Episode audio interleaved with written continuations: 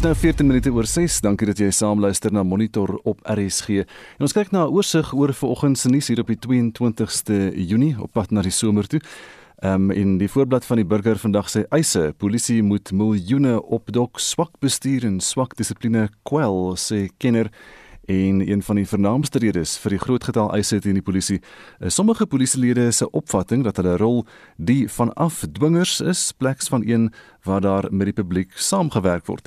Dit is professor Rudolf Zin van Unisa wat so aangehaal word oor die kwessie in die polisie. Hier is nog berigte op die voorblad van die burger aanvaller met kapmes sak toe op egpaar wat fietsry. Hier is 'n foto van die egpaar Dr Neil van Tonner en sy vrou Belinda. Hulle is van Durbanville, hulle is sonoggend uh, met 'n kapmes aan kapmes aanval in Muslim nou afweer toe hy en sy vrou by Joostenberg vlakte naby Kraaifontein fiets gery het en die berig daar oor hulle uh, onder ons sien haar met die kapmes in 'n Kraaifontein se omgewing. Vrou klap onderwyseres van haar voete af en hier is 'n foto van presies hoe dit gebeur. Dis 'n video wat nou weer uh, die rond te doen. 'n Ontstoke ouer het 'n onderwyseres by 'n skool in die Noordwes provinsie uh, glo so hard geklap dat die onderwyseres op die vloer geval het. Is by die Pera Primary School naby My King waar dit gebeur het. Hier is 'n groot foto op die voorblad van die burger en dit is nou by die Universiteit van Kaapstad waar 'n koshuis 'n nuwe naam gegee is weer die Smuts Hall koshuis. Um, is tydelik hernoem en hier is so 'n banier met rooi hande op Upper Campus Residence staan daar. Uh, 'n nuwe permanente naam word nou gesoek. Die raad van die universiteit het Saterdag die besluit goedgekeur en die gebou staan nou as die Upper Campus Residence bekend. Die standbeeld daar voor die Smutsel is ook so in 'n sak toegedraai dan. Die voorblad van beeld vanoggend strenger reëls wink. Dis nou vir die noorde van die land. Premier huis is aan die brand. Meer hulp nodig in derde vlag. Gauteng se huis wat aan die brand is, is wat die premier sê. David Makura word so aangehaal.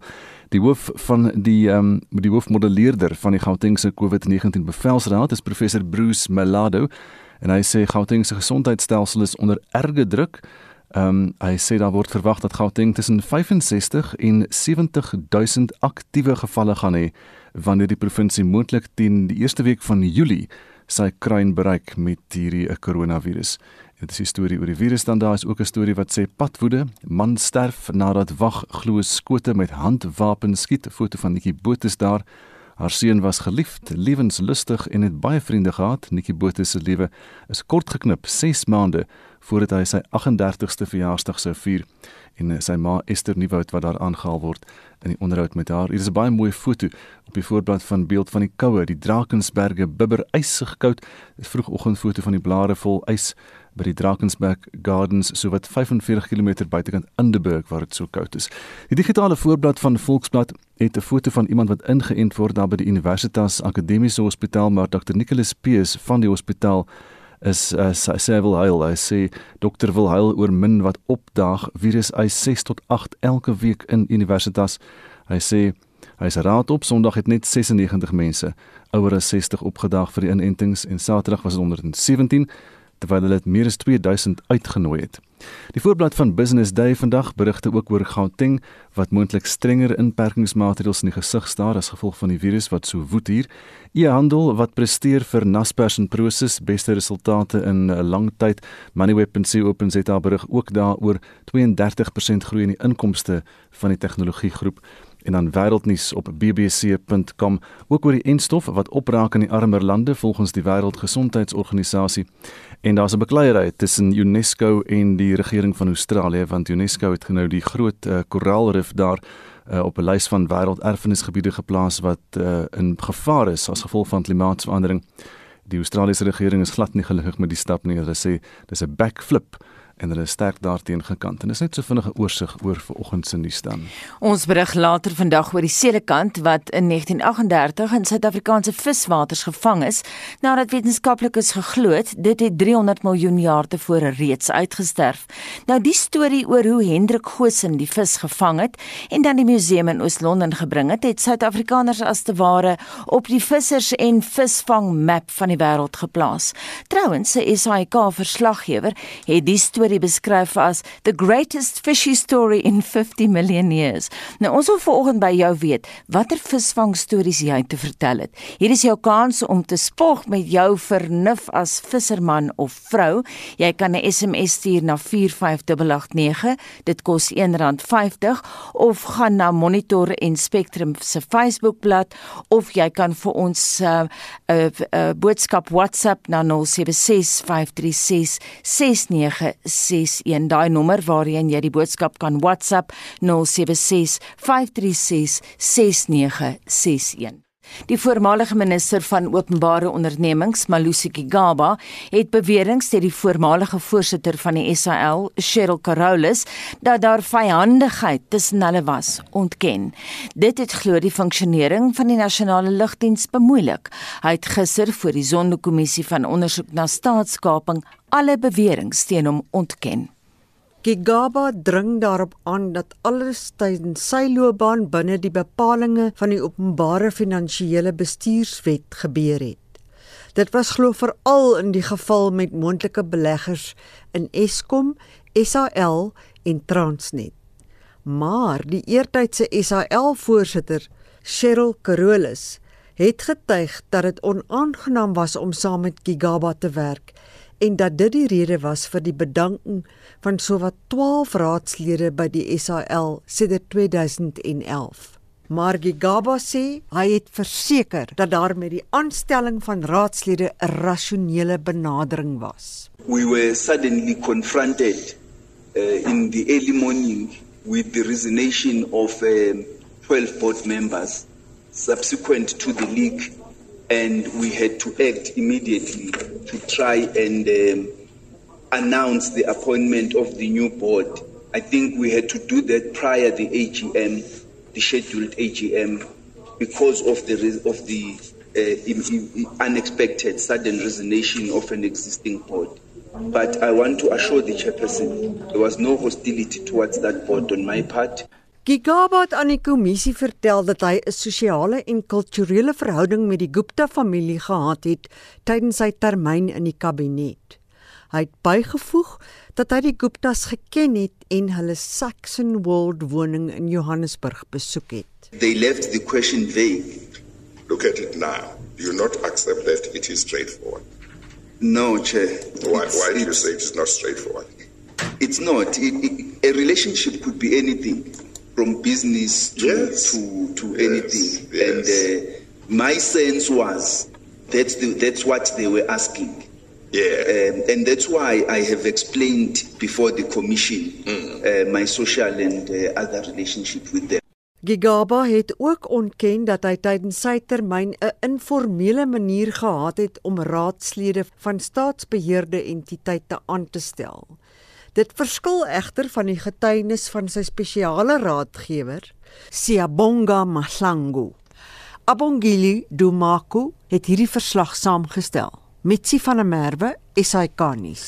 En is nou 23 minute oor 6 nou die nasionale vervolgingsgesag se ondersoekende direktoraat is besig met 16 korrupsiehofsaake van miljarde rand. Dit het ook verskeie hofbevele wat keer dat beskuldigdes hulle bates verkoop. Die bates is meer as 2 miljard rand werd. Die woordvoerder van die direktoraat, Cindy Siwese-Boka, sê hulle maak vordering met die vervolging van mense wat na bewering staatsbeheerde instellings geplunder het. Lila Magnus het meer. 16 hofsaake, 50 beskuldigdes, verskeie ondersoeke wat voortgaan en miljarde rande wat gesteel of verlore geraak het weens ongebreidelde korrupsie Dit is waarvoor die nasionale vervolgingsgesag se ondersoekende direktoraat in 2019 gestig is. Die woordvoerder van die OD, Sindisiwe Seboka, sê selfs wanneer verdagtes land uitvlug, gee die OD nie op nie. With the Michael Lomas matter, the ESCOM 745 million Gusile Mpumalanga matter, we have been able to set that matter down for trial in the London Westminster's Court within a period of a year. We are coming for each and every person who defrauded the state in any shape or form that falls in our mandate that we're created for what we're going to do relentlessly is to pursue as many people as we possibly can. Insgelyks is die OD op die spoor van die Gupta familie wat in 2018 uit Suid-Afrika gevlug het. Die familie is tydens die Zondo-kommissie van ondersoek na staatskaping deur verskeie getuies by korrupsie betrek. Die onlangse bekragtiging deur die Verenigde Arabiese Emirate van 'n ooreenkoms vir uitlewering en wederwysige regshulp tussen hom en Suid-Afrika het die Gupta familie nog 'n stap nader gebring om vir hul beweerde sondes in Suid-Afrika te kom pa staan. Seboka sê daar is nie enige spertyd waar binne die Guptas uitgelewer gaan word nie. Maar hulle het nie al hul eiers in een mandjie gesit nie. We were using the United Nations Convention on Corruption, which is a multilateral agreement that uh, Dubai as well as South Africa had ratified many moons ago.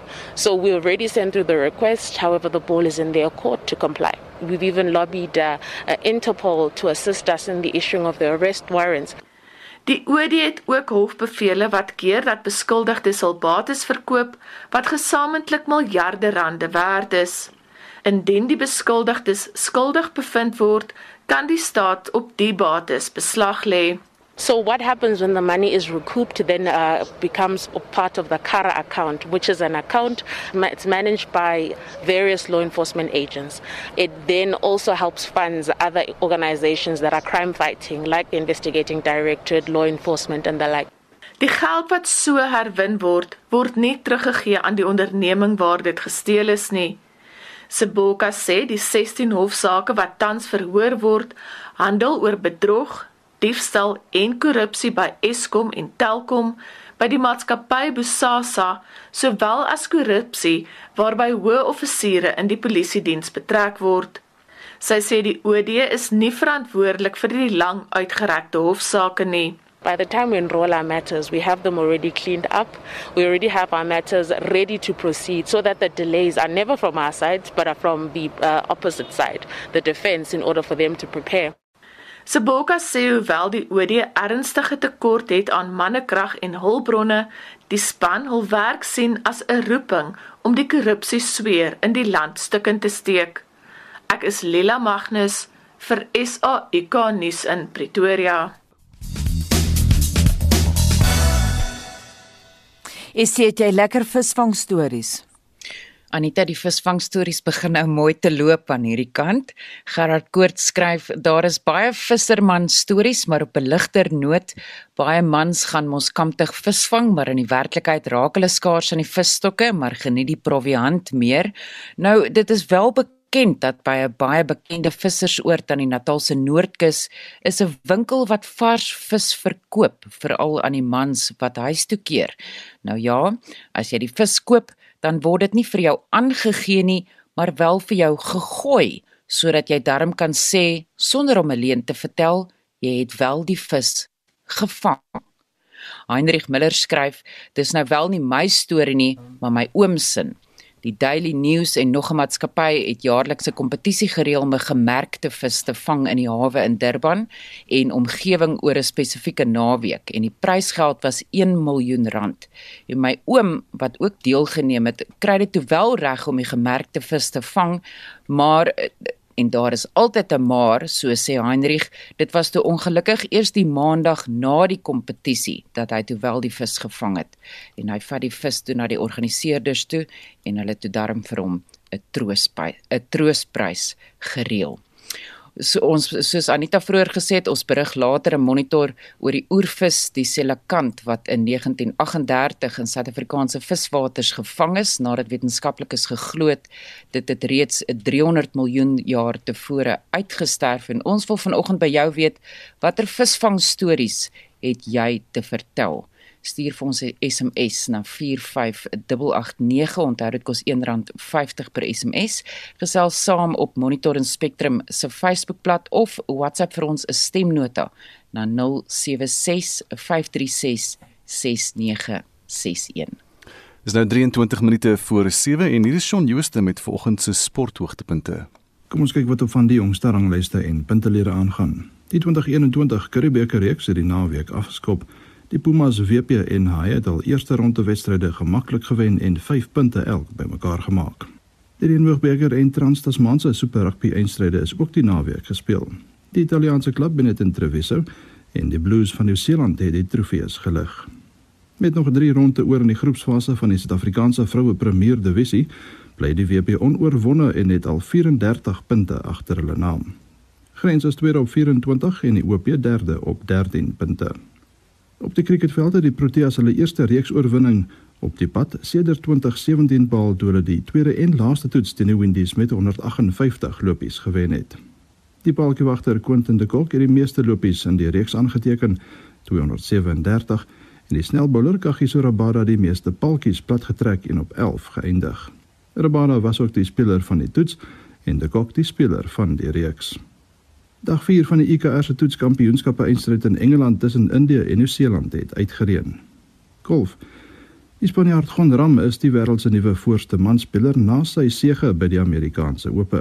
Die Amerikaners Dustin Johnson en Justin Thomas is nou tweede en derde.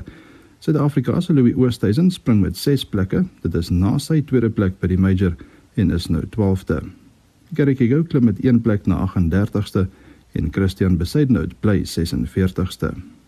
Die top 3 vroue spelers is nou Jin Young Ko en Inbi Park van Suid-Korea en die Amerikaner Nelly Korda. Suid-Afrika se Ashley Buy sak terug na 76ste. Sokker. Die groepsfase van die Europese kampioenskappe staan ook nou einde se kant toe. Gisteraand se tellings was Denemarke 4, Rusland 1, Finland 0, België 2, Oekraïne 0, Oostenryk 1 en Nederland 3, Noord-Macedonië 0. In die Copa America toernooi in Brasilië is Argentinië op 7, Chili op 5 en Paraguay op 3 punte die top 3 in groep A. En Brasilië op 6, Kolumbie op 4 en Peru op 3 punte die top 3 spanne in groep B. Motorsport. Die 2021 Formule 1 seisoen lewer baie aksie en drama op. Na 7 rondes het die Red Bull renjaer Max Verstappen van Nederland al 131 punte agter sy naam. Die Brit Lewis Hamilton is tweede op 119 en die Meksikaan Sergio Perez derde op 84 punte. Red Bull is ook die voorlopers op die vervaardigerspunteleer op 215 punte. Mercedes is tweede op 178 en McLaren derde op 110 punte. In die Moto3 reeks is die Fransman Fabio Quartararo die voorloper op 131 punte. Sy landsgenoot Jean Zarco is tweede op 109 en die Aussie Jack Miller derde op 100 punte. Suid-Afrika se Brad Binder is nou 8ste op 56 punte. Sy broer Darren is 7de in die Moto3 reeks en het 60 punte. Laastens in tennis, die Wimbledon Kampioenskappe slaan volgende week af. Novak Djokovic van Servië, Daniel Medvedev van Rusland en Rafael Nadal van Spanje bly die wêreld se top 3 manspelers.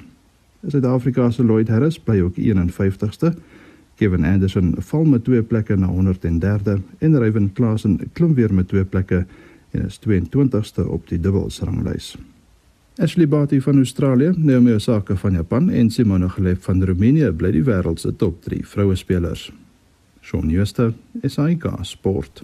Zimbabwe se voormalige minister van Finansies Tendai Biti sê 'n nuwe verslag wat president Mnangagwa en verskeie privaat maatskappye as lede van korrupte kartelle beskryf, is net die oppervlak van wat besig is om in Suid-Afrika se buurland te gebeur.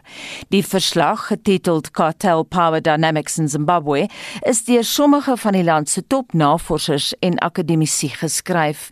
Biti sê die plundering van openbare fondse in die land is nou baie erger as wat dit was toe Robert Mugabe president was, Darren Taylor berig. BT en prokureur was Zimbabwe se minister van finansies in 'n regering van nasionale eenheid tussen 2009 en 2013.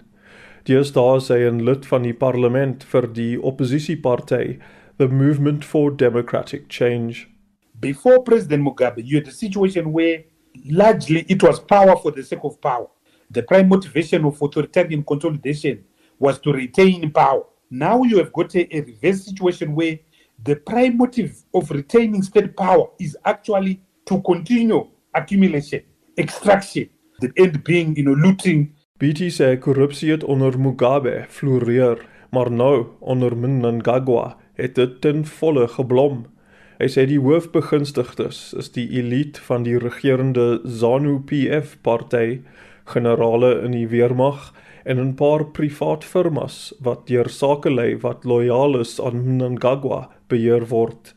SANU-PF sê die verslag, sowel as BT se beweringe, is alles leuns. Maar volgens BT is Zimbabwe besig om voor sy oë te verkrummel terwyl die mense wat mag het die land se bronne en minerale rykdom steel. Drive the roads of Harare you you'll be shocked.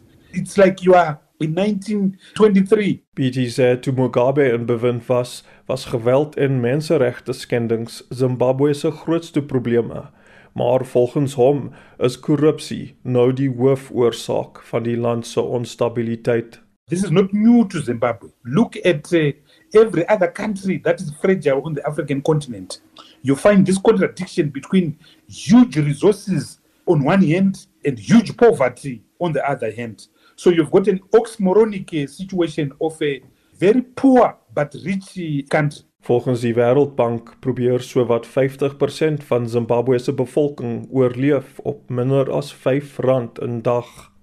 BT sê gesondheidsdienste in sy land het lankal in mekaar gestort en getuienis daarvoor kan gesien word in die groeiende getal moeders en babas wat sterf en mense wat doodgaan as gevolg van voorkombare siektes. Hy sê daar's verskeie pieke van korrupsie in Zimbabwe. The first one is the RBZ, the Reserve Bank of Zimbabwe and the US dollar. The mismanagement of the foreign exchange regime, the bastardization of the multi-currency regime that I introduced as finance minister 2009 and the introduction of the Zimbabwean dollar. BT verduidelik dat Zimbabwe 5 miljard dollar in buitelandse valuta elke jaar kry as gevolg van invoere.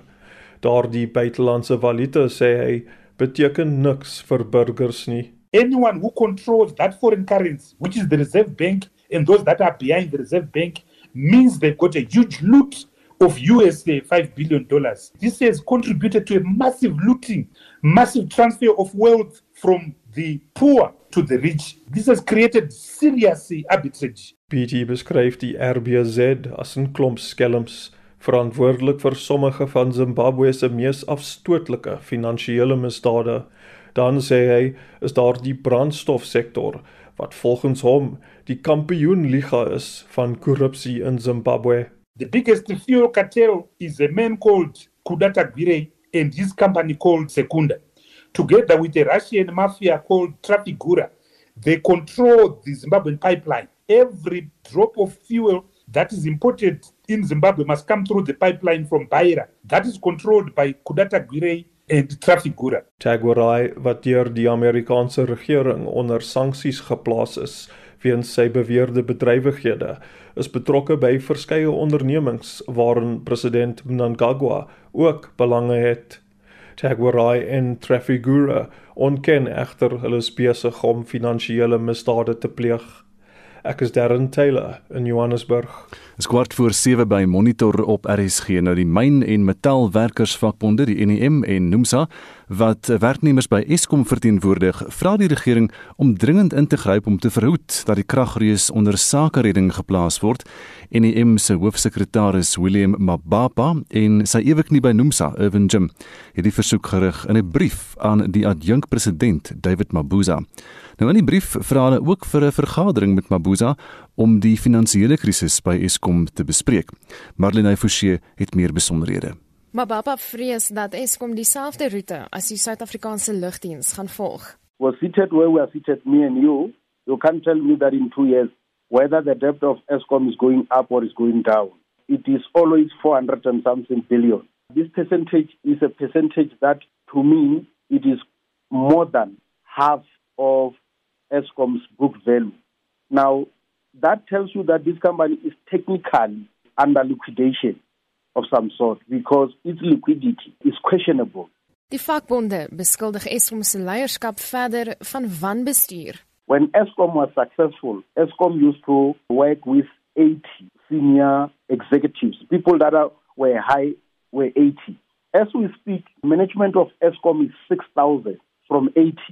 So you can imagine what chunk of salary bill do you pay this number? Die vakbonde en die kragvoorsiener wag intussen op 'n datum vir die hantering van 'n loondispuut.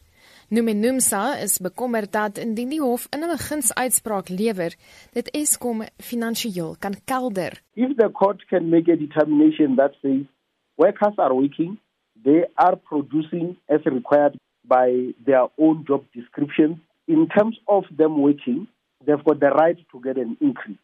Now, if that is not a well planned increase, that by itself will then uh, create ESCOM either to go the route that says we can't afford uh, these salaries, therefore we can go for self uh, liquidation. Gerugte doen intussen die ronde dat Kusatu se openbare sektor vakbonde besluit het om die regering se aanbod van die 1,5% verhoging te weier.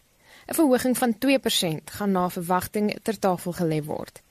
Kusatu kan egter nie vir kommentaar bereik word nie. Die verslag van Mbongeni Mutwa uit Marlene Forsie vir SAK nuus. Nuus van 'n heel ander aard. Ouers het gemengde gevoelens nadat minister Angie Motshega aangekondig het dat skole gaan oop bly. Druk het toegeneem dat die skole moet sluit te midde van die verslegtende COVID-19 situasie. Reginald Witboy doen verslag. Doing business under COVID-19 means that one needs to also strike a balance between saving lives and livelihood. In the case of the education sector, it means we need to do all we can to protect potential academic disaster. At all times, we follow the advice of public health who are supporting us in the management and the impact of COVID 19. And as a sector, from all the meetings I had this morning and even before, we're of view that schools must remain open. And saying so, we're not insensitive to the concerns raised about the rising infections. The position which we will be presenting to Cabinet and also to the National Coronavirus Command Center is that COVID cases must be handled case by case in a differentiated approach. So het die minister Angie Motshekga die naweek laat weet dat skole oop sal bly. Te midde van die spanning op leerders en onderwysers weens die COVID-19 pandemie, het ouers uiteenlopend op die aankondiging gereageer. As 'n ouer dink ek dit is 'n goeie besluit van die minister om die skole oop te hou want die kinders is reeds agter met verlede jaar en die wat hulle nie elke dag skool toe gaan nie. Um, ons verstaan dat die pandemie 'n groot invloed het op die onderwys, maar ons hoop en ons vertrou dat die regering se belofte dat onderwysers almal eersdaags ingeënt gaan word, dat dit sal water dra. Die onderrig en die kinders se geleerdheid is baie belangrik, maar net so is hulle. Gesondheid vir ons en daarvoor dink ek dat dit net goed sal wees of reg sal wees terwyl ons nou in die derde vlak van hierdie pandemie is wat nou so dodelik is voel ek dat ons kinders ten minste by die huis moet wees. Onderwysers is ook bekommerd nadat dit bekend geword het dat die land nou die derde golf van die pandemie betree dit is wat hulle te sê gehad het As 'n graad 1 onderwyseres en die ma van 'n graad 5 leerder Ons het albei positief getoets 4 dae gelede. Ek voel die departement van onderwys en ons minister is besig om ons as onderwysers in die steek te laat. Ek is nie so seer gekant teen die feit dat die skole oop bly nie, behalwe in die provinsies waar die syfers styg, dink ek die minister moet heroorweeg. As 'n opvoeder het ek gemengde gevoelens oor die skole wat oop bly. Aan die een kant is daar die feit dat ons baie baie werk het wat ons in 'n kort tydjie moet klaarmaak. Aan die ander kant is dit ook bietjie sanitergend om te dink dat hierdie kinders is nou draers van die virus. Die Suid-Afrikaanse Demokratiese Onderwysersunie wou nie op die kwessie kommentaar lewer nie. Die vakbond het dit egter verwelkom dat onderwysers 'n keuse het en hulle ondersteun ook die inentingsveldtog vir onderwysers wat Woensdag begin. SADU se sekretaris-generaal Mugwena Maluleke This is a culmination of a long and tedious process of consultation between ourselves, the Department of Education, and the Department of Health. It was a necessary step that we take to put the frontline workers in education for vaccination in order to protect the future of our children and the future of our country. Education plays a very important role in the economy and social aspects of our lives. We therefore encourage our teachers, our education support personnel to take up this particular opportunity Meer as 580 000 onderwysers, administratiewe personeel en skoonmakers by openbare en privaat skole sal na verwagting oor die volgende 2 weke ingeënt word. Ek is Reginald Witboy in Kimberley. En is nou 8 minute voor 7 nou die politieke partye is verdeel oor hoe om hulle verkiesingsveldtogte te midde van die COVID-19 pandemie te voer. Die politieke ruimte het selfs kleiner geword met die land wat nou op inperkingsvlak 3 is wat byeenkomste van slegs 50 mense binneshuis en 100 mense buitenshuis toelaat. Nou terwyl sommige vra dat die verkiesing uitgestel word omdat die koronavirusinfeksies ingrypend toeneem, sê ander weer dat die verkiesing moet voortgaan soos beplan. Die hou van vrye en regverdige verkiesings word as 'n kenmerk van 'n funksionerende en volwasse demokrasie gesien. En dit is wat Suid-Afrika se plaaslike en algemene verkiesings sedert 1994 gekenmerk het. Maar met die toename in COVID-19 infeksies, sê sommige politieke partye dat dit die vryheid en regverdigheid van die Oktober 27 verkiesing kan belemmer. Die EFF lei hierdie bewering om die verkiesing uit te stel met baie meer wat nou bevraagteken hoe vry en regverdig hierdie verkiesing onder die huidige omstandighede is.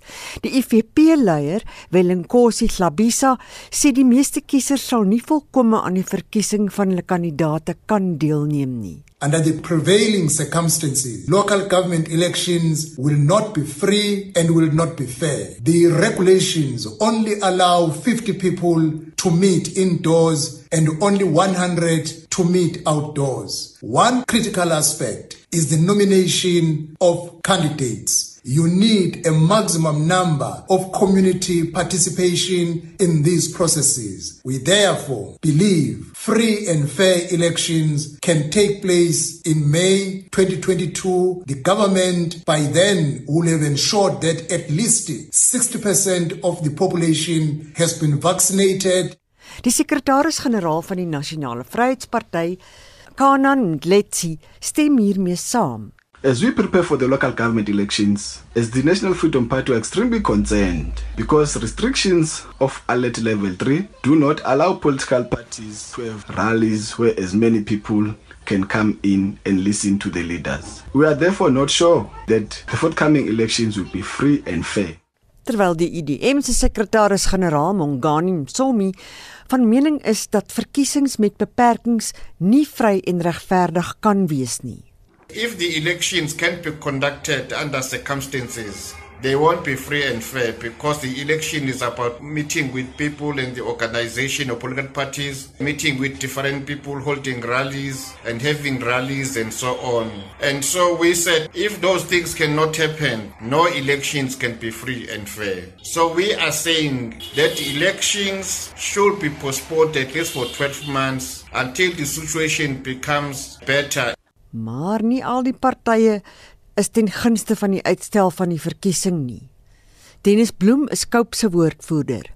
The crisis in almost all municipalities around the country does not warrant any postponement of the local government elections on the 27th of October. Yes, we understand that COVID 19's conditions are making it very difficult for all political parties to campaign, but we are still using social media to reach our potential voters and members. So we are saying that the local government elections must continue on the 27th 27th of October.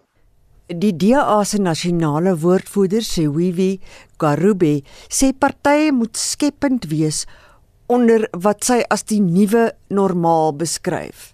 We are of the view that it's absolutely essential for South Africans to go to the polls at the end of this year. Local government elections are an absolutely essential part of a functioning constitutional democracy.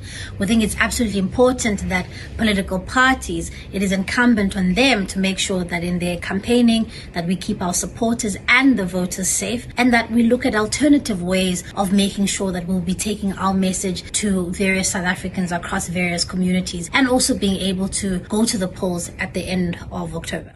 Die ACDP se verkiesingsbestuurder Grant Haskin is van mening dat die pandemie uiteindelik tot die uitstel van die verkiesing kan lei. Met die stygings in infeksiesyfers is dit nie nou duidelik of die verkiesing op 27 Oktober sal voortgaan al dan nie.